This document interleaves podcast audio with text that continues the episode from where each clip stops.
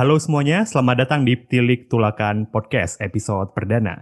Akhirnya pada kesempatan kali ini kita bisa masuk buat bikin episode yang langsung setelah kemarin kita udah lihat episode trailer dan juga beberapa pengenalan dari program kerja ini. Tapi khusus untuk episode perdana kali ini kita nggak bakal kontak-kontakan atau ngobrol sama orang yang di Kecamatan Jetak dulu. Selain karena lagi PPKM, mending ada baiknya buat kita lebih kenal dulu ke tim KKN PPM UGM kali ini. Nah, maka dari itu, di episode kali ini kita bakal langsung aja ngobrol sama salah satu tokoh penting nih atau orang dari tim kuliah kerja nyata PPM Universitas Gajah Mada untuk KKN di Kecamatan Tulakan, Kabupaten Pacitan. Maka dari itu, nggak usah nunggu lama lagi. Kali ini aku bakal langsung kenalin aja ke narasumber kita.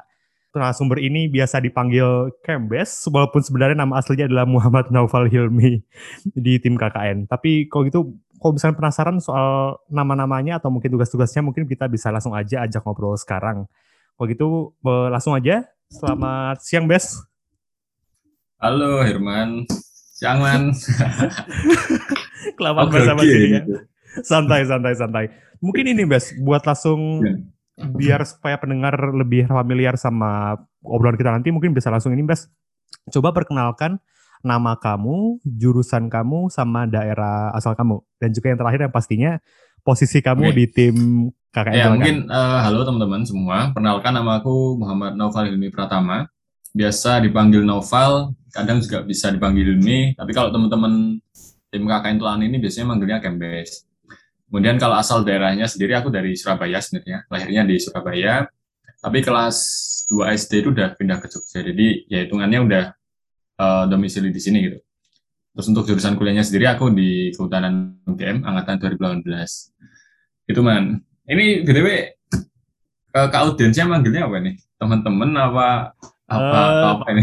Kayaknya teman-teman aja nggak apa-apa, Mbak, biar akrab ceritanya. Oke, okay, siap. Uh, ini nih, kita langsung aja ngobrolin soal uh, pelaksanaan dari KKN ini. Kan kebetulan Kembes nih, aku ambil, aku panggil Kembes aja, Mbes. Oh, Udah keburu itu akrabnya soalnya sebagai anggota tim. Gak apa. Ini nih, kalau boleh cerita nih, kenapa akhirnya Kembes nih bisa jadi ketua unit dari tim KKN kita? Soalnya jujur aja nih, aku sebagai orang yang anak baru kan ya, hasil dari oprek, aku tuh nganggap kalau kerjaan-kerjaan yang tanda kutip pejabat, kayak misalkan kormanit, bendahara, dan yang lain-lain itu kerjaan yang sangat sibuk. Kenapa sih akhirnya kamu pengen bukan pengen nih, aku nggak tahu kondisinya gimana. gimana akhirnya kamu bisa jadi uh, kormanit dari tim KKN PPM Tulakan kali ini. Oke. Eh masih man pertanyaannya. Jadi agak menarik sini. Ini agak flashback yang dulu dulu ya. Sebenarnya kalau dibilang uh, pingin sih sebenarnya nggak pingin, malah justru nggak pingin gitu. Dan mungkin uh, beberapa teman-teman kormanit yang lain kayaknya sama juga kayak aku gitu. Mereka mungkin awalnya nggak pingin gitu jadi uh, ketua atau kormanit inilah. Tapi mungkin nek boso Jawa nih uh, di aku dipakake lah. Paham nggak? Dipakake itu sih Indonesia itu? Gimana tuh? Di, di didorong? Dipojokin? Ya di nggak didorong malah ditendang lah dijejek lebih parah lagi. gitu ya. Lalu bahasa Jawanya dipakake gitu jadi dulu awal-awal uh, sebelumnya ada tim teman-temanku juga dari SMA alumni-alumni SMA yang di UGM itu mereka uh, sempat buat tim kecil dulu gitu. Itu sebelumnya aku belum masuk ke situ. Jadi mereka udah ada kelompok gitu, terus mau ada rencana buat tim KKN. Nah, habis itu mereka terus kontak aku nih. Kontak aku terus uh, tanya aku, Bes, kamu udah uh, ada tim KKN belum? gitu. Aku jawab belum. Yaudah masuk tim aja mau enggak, tapi kamu jadi kormanitnya. Waduh. Waduh. Lah kok malah jadi kormanit. Waduh. Di invite langsung jadi ketua ya. nah, nah terus aku ya masa awal-awal gitu langsung dikorbankan nggak aku nggak aku menolak gitu lah nah, nah terus setelah itu satu saat kita kumpul bareng gitu lah offline di rumah salah satu teman-teman itu nah situ kita rapat ini uh, awalnya belum mau sampai ke arah nunjuk kormanit tapi mau nonton lokasinya dulu nah kebetulan uh, akhirnya gitu kita milih untuk lokasinya itu di Karampuang di Sulawesi Barat gitu kan. Oh iya iya. Nah, Nah kan kalau mungkin di UGM sendiri terkait yang KKN mekanisme untuk mengambil lokasi, menentukan lokasi itu kan harus menghubungi Kormanit di tahun-tahun sebelumnya atau tahun sebelumnya gitu kan. Makanya aku sama teman-teman coba nyari kontaknya uh, Kormanit yang tahun sebelumnya nih. Itu namanya Mas Ilham, kita dapat. Nah, waktu udah dapat terus kita kontak ternyata ada tim lain juga yang udah uh, pingin nih lokasinya barengan di Karampuang gitu. Jadi Karampuang ada dua dua tim gitu loh Iya, iya, iya. Nah, nah, terus Mas Ilham ngasih opsi. Ini kalian mau battle atau digabung? Ada dua opsi gitu kan. Nah, akhirnya coba Mas Ilham nyaranin coba uh, kalian dua tim ini, timku sama tim sebelahnya itu ketemu dulu lah meeting bareng dulu gitu. Buat nentuin enaknya gimana. Nah, terus uh, akhirnya kita ketemu, dua tim ini ketemu buat ngerapatin. Nah, di situ uh, akhirnya kita sepakat nih buat uh, untuk timnya kita barengan nih, kita digabung jadi satu. Uh, yang tim sebelah tuh kayak Salsa, Iif, terus Samara, kayak gitu-gitu. Kalau yang timku ya si Ardi, Diki, Zulpe, ya teman-teman SMA gitu. Jadi akhirnya kita sepakat buat gabung. Nah, waktu itu ketika udah sepakat gabung, terus akhirnya uh, menentukan nih siapa nih yang mau jadi kormanit gitu. Nah, udah uh, waktu itu siapa yang bilang awalnya? Kayaknya aku dulu aku usul buat si Ardi. Mau oh, malah Ardi ya dulunya. Hmm. Ardi sama Zulfa kalau nggak salah dulu. Usul ah, dua namanya. Iya iya iya iya. Nah, untuk yang Ardi ini dia nggak mau karena uh, waktu itu dia alasannya masih ada kesibukan di organisasi di PMKM, GM. Terus kalau Zulfa itu bilang, ya, teman-teman bilang yang lain kalau bisa kormanitnya cowok aja nih. Gitu. Nah, terus di antara circle itu kemudian ada yang nyeletuk. Kalau Kembes aja gimana itu? Aku soal Kembes gitu. Terus reaksimu, itu, reaksimu gimana? Setuju-setuju. Ya aku jelas menolak. jelas menolak aku menjadi garwan itu. Tapi ternyata dari teman-teman yang lain apa ya? Ya biasalah ngasih alasan-alasan yang yang kurang masuk akal sebenarnya. Untuk mendorong aku untuk jadi korban gitu. Terus ya udahlah daripada lama-lama dan ya udah aku nitip saja sama teman-teman. Ya yes, pokoknya nanti bantuin bareng-bareng gitulah buat uh, kegiatan KKN ini. Ya wis akhirnya dari setelah aku akhirnya jadi korban itu. Dan akhirnya saya menyesal sekarang jadi korban apalagi gara-gara KKN-nya jadi online gak sih Bes? jadi lebih banyak yeah. apa ya segala administrasinya gitu-gitu benar-benar itu sebenarnya aku udah nebak sih dari awal itu ini bak pasti bakal online nih kakaknya. Walaupun oh, gitu. dari awal emang wacananya kan offline. dulu malah aku ngiranya seenggak-enggaknya bauran loh, Bes. Jadi kayak kayak yang ini, kayak yang plan kita dulu, yang ada uh, berapa hmm. orang ke sana, hmm. terus sisanya tuh ngelaksanain online di sini gitu. Tapi nyambung ke pertanyaan lain nih, Bes. Kan tadi kalau misalkan diceritanya Kembes ini kita tadinya maunya di Karampuang ya di Sulawesi Barat. Dan yeah, dulu, dulu juga kebetulan waktu aku oprek itu aku tertarik daftar karena kebetulan banyak dari katingku dulu anggota dari KKN uh, eh, Kilau Karampuang tahun 2016 tapi ternyata di okay. tengah jalan kan ini kan ya. Untuk tapi kita skip aja nggak usah bicarakan karena melibatkan beberapa pihak yang sudah disebut. Intinya tim Kilau Karampuang ini berubah jadi uh, Tilik Tulakan yang mana kita pindah ke Kecamatan Tulakan, Kabupaten Pacitan, Provinsi Jawa Timur. Mungkin Kembes bisa cerita nih, Bes, gimana sih uh, prosesnya kok bisa dari sekian banyak provinsi yang tersisa, kita pindah dari Sulawesi Barat nih, jauh banget, kita pindah ke apa nih, Barat ya, Barat ke Jawa Timur di Pacitan. Kenapa nggak daerah-daerah lain dan kenapa akhirnya bisa di lokasi ini? Mungkin bisa cerita, Bes. Oke. Ya mungkin uh, ini agak flashback lagi dikit. Dulu waktu di Karampungan kan, di Karampung ya, uh, dulu keputusan dari DPKM untuk tim kita sekarang ini adalah online atau daring. Karena juga melihat uh, kondisi COVID di sana mungkin lagi naik-naiknya juga dari uh, pihak kampus pun juga merasa seperti itu. Nah, ketika kita udah opsinya online, otomatis kita harus mencari lokasi alternatif yang lain itu yang bisa dilakukan secara online. Itu yang pertama. Makanya coba kita uh, nyari lokasi-lokasi yang ya udah mungkin yang start Jawa-Jawa aja, yang mungkin agak kota-kota di perkotaan gitu. Yang mungkin terkait sinyalnya bagus ya walaupun mungkin uh, minim sinyal tapi paling enggak masih bisa diakses lah. Untuk komunikasinya masih relatif mudah gitu. Itu. Terus kemudian yang kedua terkait tema. Tema kita waktu di Karampuang itu tentang pariwisata, pengembangan eh, pariwisata, ekowisata untuk menunjang ekonominya gitulah di pasca pandemi ini. Nah, otomatis eh, ketika kita pindah lokasi juga lokasinya itu harus menyesuaikan dengan tema kita. Tema kita yang kita angkat itu dari eh, ke wisata, terus ekonomi, dan terkait di pasca COVID-19 ini. ya belum pasca sih, maksudnya di dalam wabah-wabah COVID-19 ini. Akhirnya eh, kita coba nyari-nyari, kemarin ada beberapa opsi sih selain yang ini kita dapat di Pacitan. Kemarin itu ada di Wonosobo, Pacitan, di Magelang juga ada. Nah, tapi uh, dari beberapa opsi itu coba kita filter.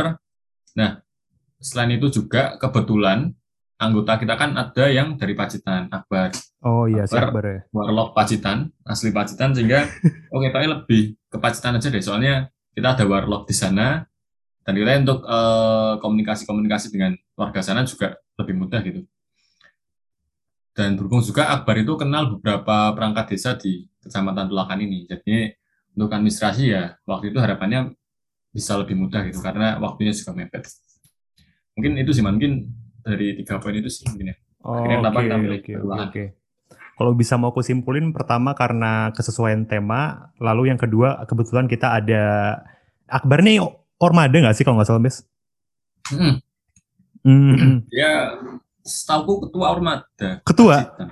Oh, hmm. wajar sih bisa kenal macam-macam. Oke, dan yang, yeah. yang iya. pertama itu ada kesusun tema, yang kedua ada kebetulan kita uh, anggota dari warga lokal. Nah nih, kan waktu itu kalau kita sempat sempat ada wacana buat bikin KKN Bauran ya, Bes. Jadi waktu itu kamu, uh, Dana, Zulpe, Dava dan kawan-kawan sempat pergi ke uh, Tulakannya nih buat survei langsung. Mungkin kamu bisa cerita nih, Bes, sebagai yang udah langsung ke lokasinya. Kira-kira apa sih yang menarik dari Kecamatan Tulakan atau mungkin Kabupaten Pacitan secara umum nih? Soalnya kayaknya kemarin aku lihat itu ceritanya asik-asik ya, ada yang sampai dorong mobil, ada yang sampai oh, naik kapal dan lain-lain. Aku penasaran nih sebagai yeah. yang cuma lihat fotonya doang. Hmm. Ya, yeah. kalau yang menarik ya, sebenarnya kan uh, kenapa kita akhirnya milih Tulakan tadi, itu kan kita nggak asal milih aja nih, walaupun nanti ada beberapa faktor-faktor. Selain kan juga kita juga melihat potensi permasalahan di sana di Tulakan itu. Nah, untuk potensi atau hal-hal menarik di sana itu uh, kalau aku ya memandang sebagai anak hutan nih, untuk yang di Kecamatan Pelaan, khususnya di Desa Cetak sama Ngelaran, itu mereka di kanan kirinya tuh masih hutan-hutan gitu loh. Masih asri banget. Jadi mereka tuh benar-benar memanfaatkan apa yang ada di sekitarnya bisa menjadi hal-hal yang berguna buat mereka. Misalnya di sana kan ada beberapa tanaman uh, bunga gitu. Akhirnya ada masyarakat uh, yang mencoba untuk beternak lebah madu. Kemudian ada juga contoh lain uh, di lahannya itu mereka buat uh, tanaman-tanaman uh, perpaduan antara tanaman kehutanan sama pertanian, jadi lebih optimal lahannya. Gitu. Kalau dari kecamatan Tulannya seperti itu sih. Dan untuk Kabupaten Pacitannya, menurutku hal yang menarik adalah ya kita tahu sendiri bahwa di Pacitan itu kan banyak wisata-wisata ya, banyak pariwisata di sana. Khususnya pantai-pantai. Nah, menurutku yang menarik ya itu sih di pantainya Kemudian kalau tadi Herman sempat penasaran, tadi ada yang naik kapal itu sebenarnya bukan ditulakannya sih itu di kecamatan sebelah. Yaitu aku lupa nama sungainya apa. Jadi sungai itu sungainya itu kayak ya itulah sungai kan kayak di Amazon Amazon loh. Iya iya. Sungai-sungai di luar. Jadi lurus terus kanan kirinya masih alas-alas gitu, eh, hutan-hutan gitu. Ya bukan hutan banget sih, tapi ada pohon-pohon rindang. Jadi buat foto juga asik. Itu ya banyak wisata-wisata sih kalau aku yang melihat menarik di Pacitan itu. Yang banget sih. Hmm. Apalagi pantainya nggak sih, Bes? Kalau yang yeah. aku sering tahu dari Pacitan itu. Kayak ada pantai Kelayar, pantai Banyu Tibo, dan lain-lain. yeah. Tapi ini, kalau tadi kan kita bahas soal wilayahnya nih, wilayah, terus uh, bentang alam. Kok bentang alam sih? Wisata alam, dan yang lain-lain. Tapi kalau dari warganya sendiri, menurutmu gimana, Bes? Kamu, apakah ada kesan pertama kamu ketika ketemu sama warga-warga lokal, atau sama juga ke pemerintahan daerah di sana? Oke, kalau terkait warganya sendiri, uh, kan aku waktu survei ke sana itu ke dua lokasi ya ke dusun eh ke dusun ke desa Cetak sama Ngelaran. Nah kalau yang Ngelaran oh. ini karena kita cuma ketemu sama pihak kadesnya, hal yang terbesit di pikiranku waktu itu ini bapaknya taat protokol banget, sangat menjaga desanya oh. uh, biar nggak kena covid itu masyarakatnya. Karena memang iya, iya, iya. Hmm, waktu itu ya sempat kita apa ya bukan cekcok sih uh, diskusi lah sama Pak Kadesnya itu hmm. kalau misal kakaknya secara online gimana nih Pak tapi bapaknya nggak bisa uh, bukan nggak bisa siapa ya lebih ke prefer enggak gitu. Karena oh. yang pertama terkait sinyal di sana memang agak susah walaupun memang ada ada tower juga tapi relatif agak susah juga di sana. Nah akhirnya bapaknya waktu itu ngasih opsi yaudah kalian mungkin dari awal aja nginep di sini nanti jangan keluar keluar ke ke ke apa keluar ke lokasi KKN gitu. Nanti ketika teman-teman datang ke sini nanti teman-teman diisolasi dulu di balai desa gitu. Balai desa atau tempat apa? Aku lupa ya. Nah, waktu diceritain balai desa itu ini yang ada pocongnya nggak uh, sih cerita horor. Nih gimana tuh? menarik gitu. gimana gimana? Karena emang di tempat untuk isolasinya itu dulu kan sempat juga dipakai ya sama uh, orang yang mau masuk ke desanya itu. Ya emang situ banyak pocongnya lah. Uh, banyak yang kesurupan gitu. Yang itu tuh emang ya karena kita mungkin masih awam ya untuk hal-hal kayak gitu jadinya ya agak agak agak gimana gitu lah perasaannya. Tapi ya nggak apa-apa sih. Nah untuk yang desa jetak tadi yang lakukan yang jetak eh, lebih santai sih.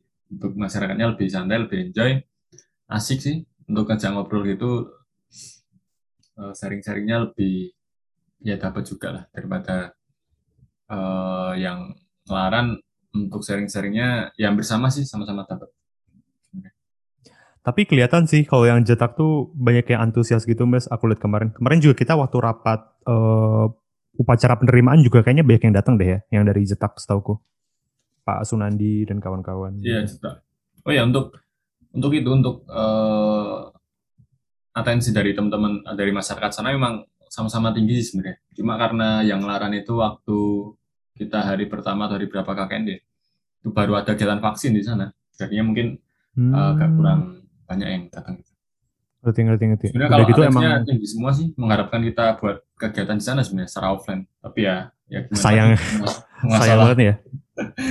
Ini ya gitu. tapi di mana mana gitu sih Bes aku kebetulan juga banyak nanya teman-temanku dari KKN lain. Rata-rata warga desanya juga pengen banget offline sih. Soalnya biar bisa langsung apa ya lebih apa ya lebih konkret gitu kan kalau misalkan kita langsung di sana kegiatan.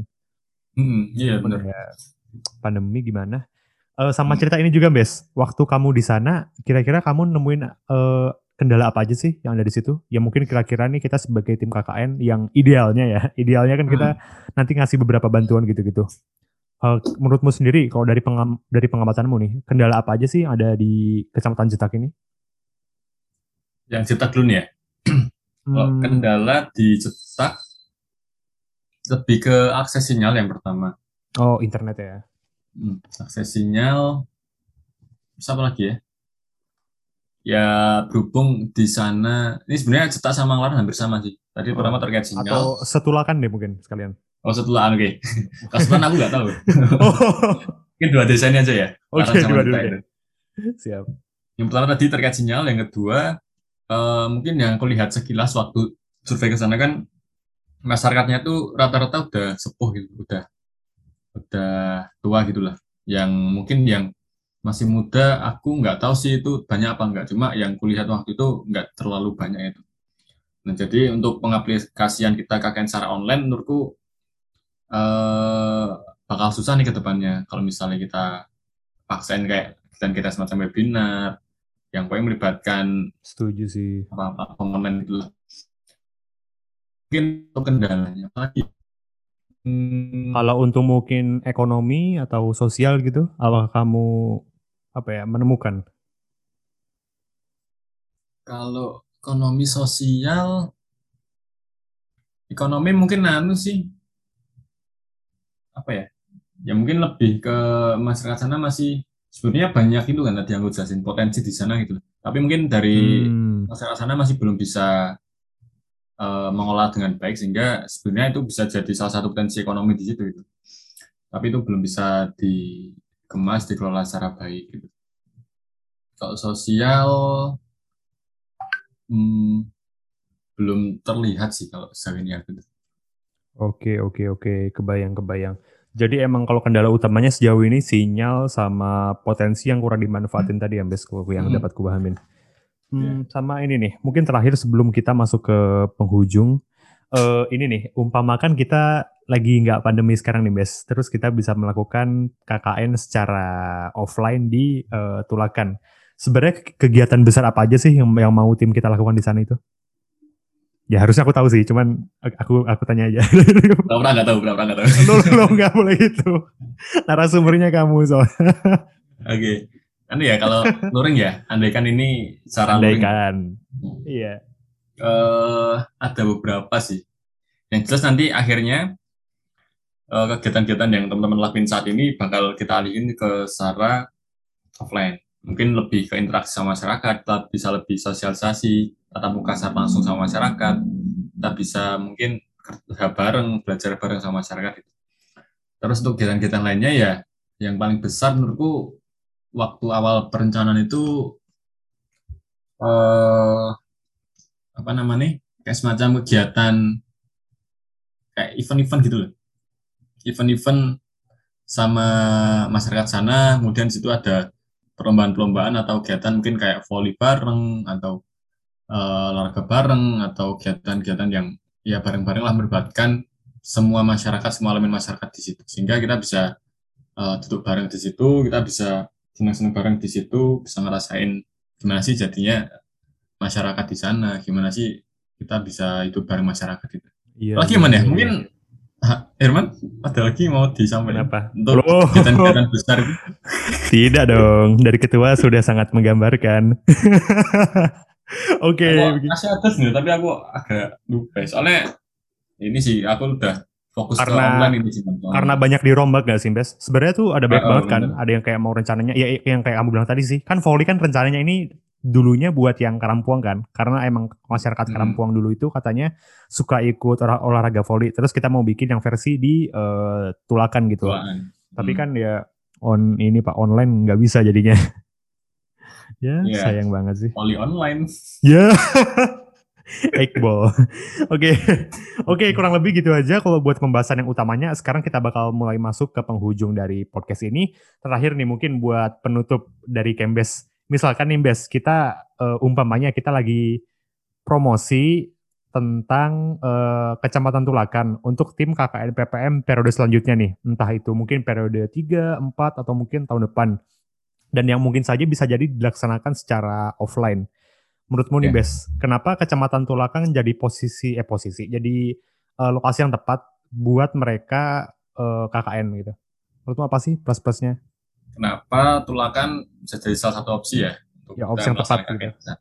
Hmm, kalau menurutku, sudut pandangku ya, ini nanti kalau dari teman-teman yang lain, kalau ada yang, aku yang pertama, uh, jelas di sana permasalahan-permasalahan potensi-potensi begitu besar di sana, banyak banget di sana itu.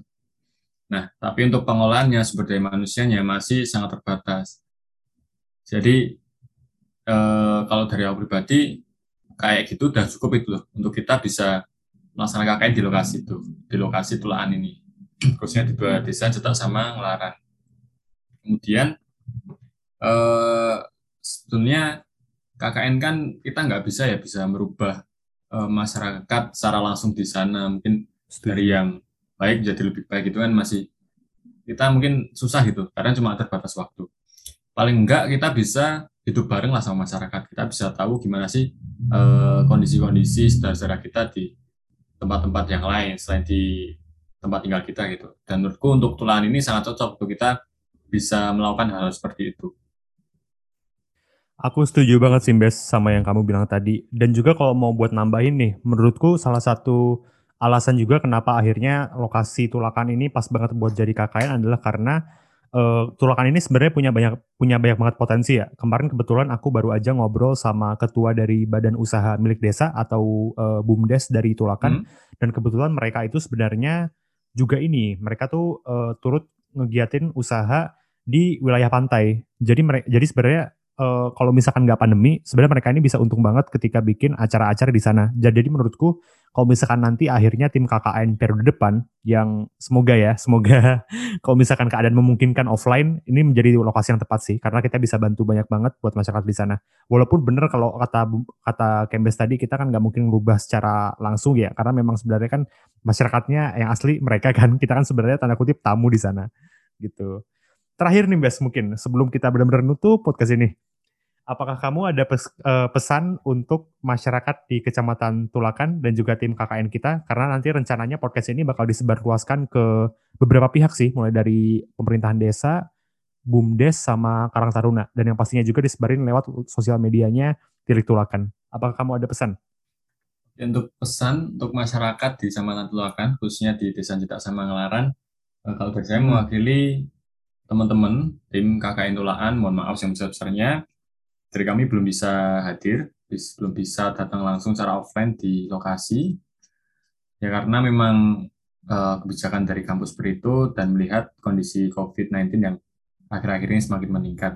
Jadi yang mohon maaf yang besar-besarnya belum bisa tersana. Untuk sementara kita masih terbatas melalui via virtual, melalui online terlebih dahulu. Tapi harapan kami memang uh, dengan virtual ini kita tetap bisa berkomunikasi secara intens, kita tetap bisa uh, melaksanakan program-program kerja untuk mengentas permasalahan-permasalahan yang ada di di masing-masing desa serta sama ngelaran.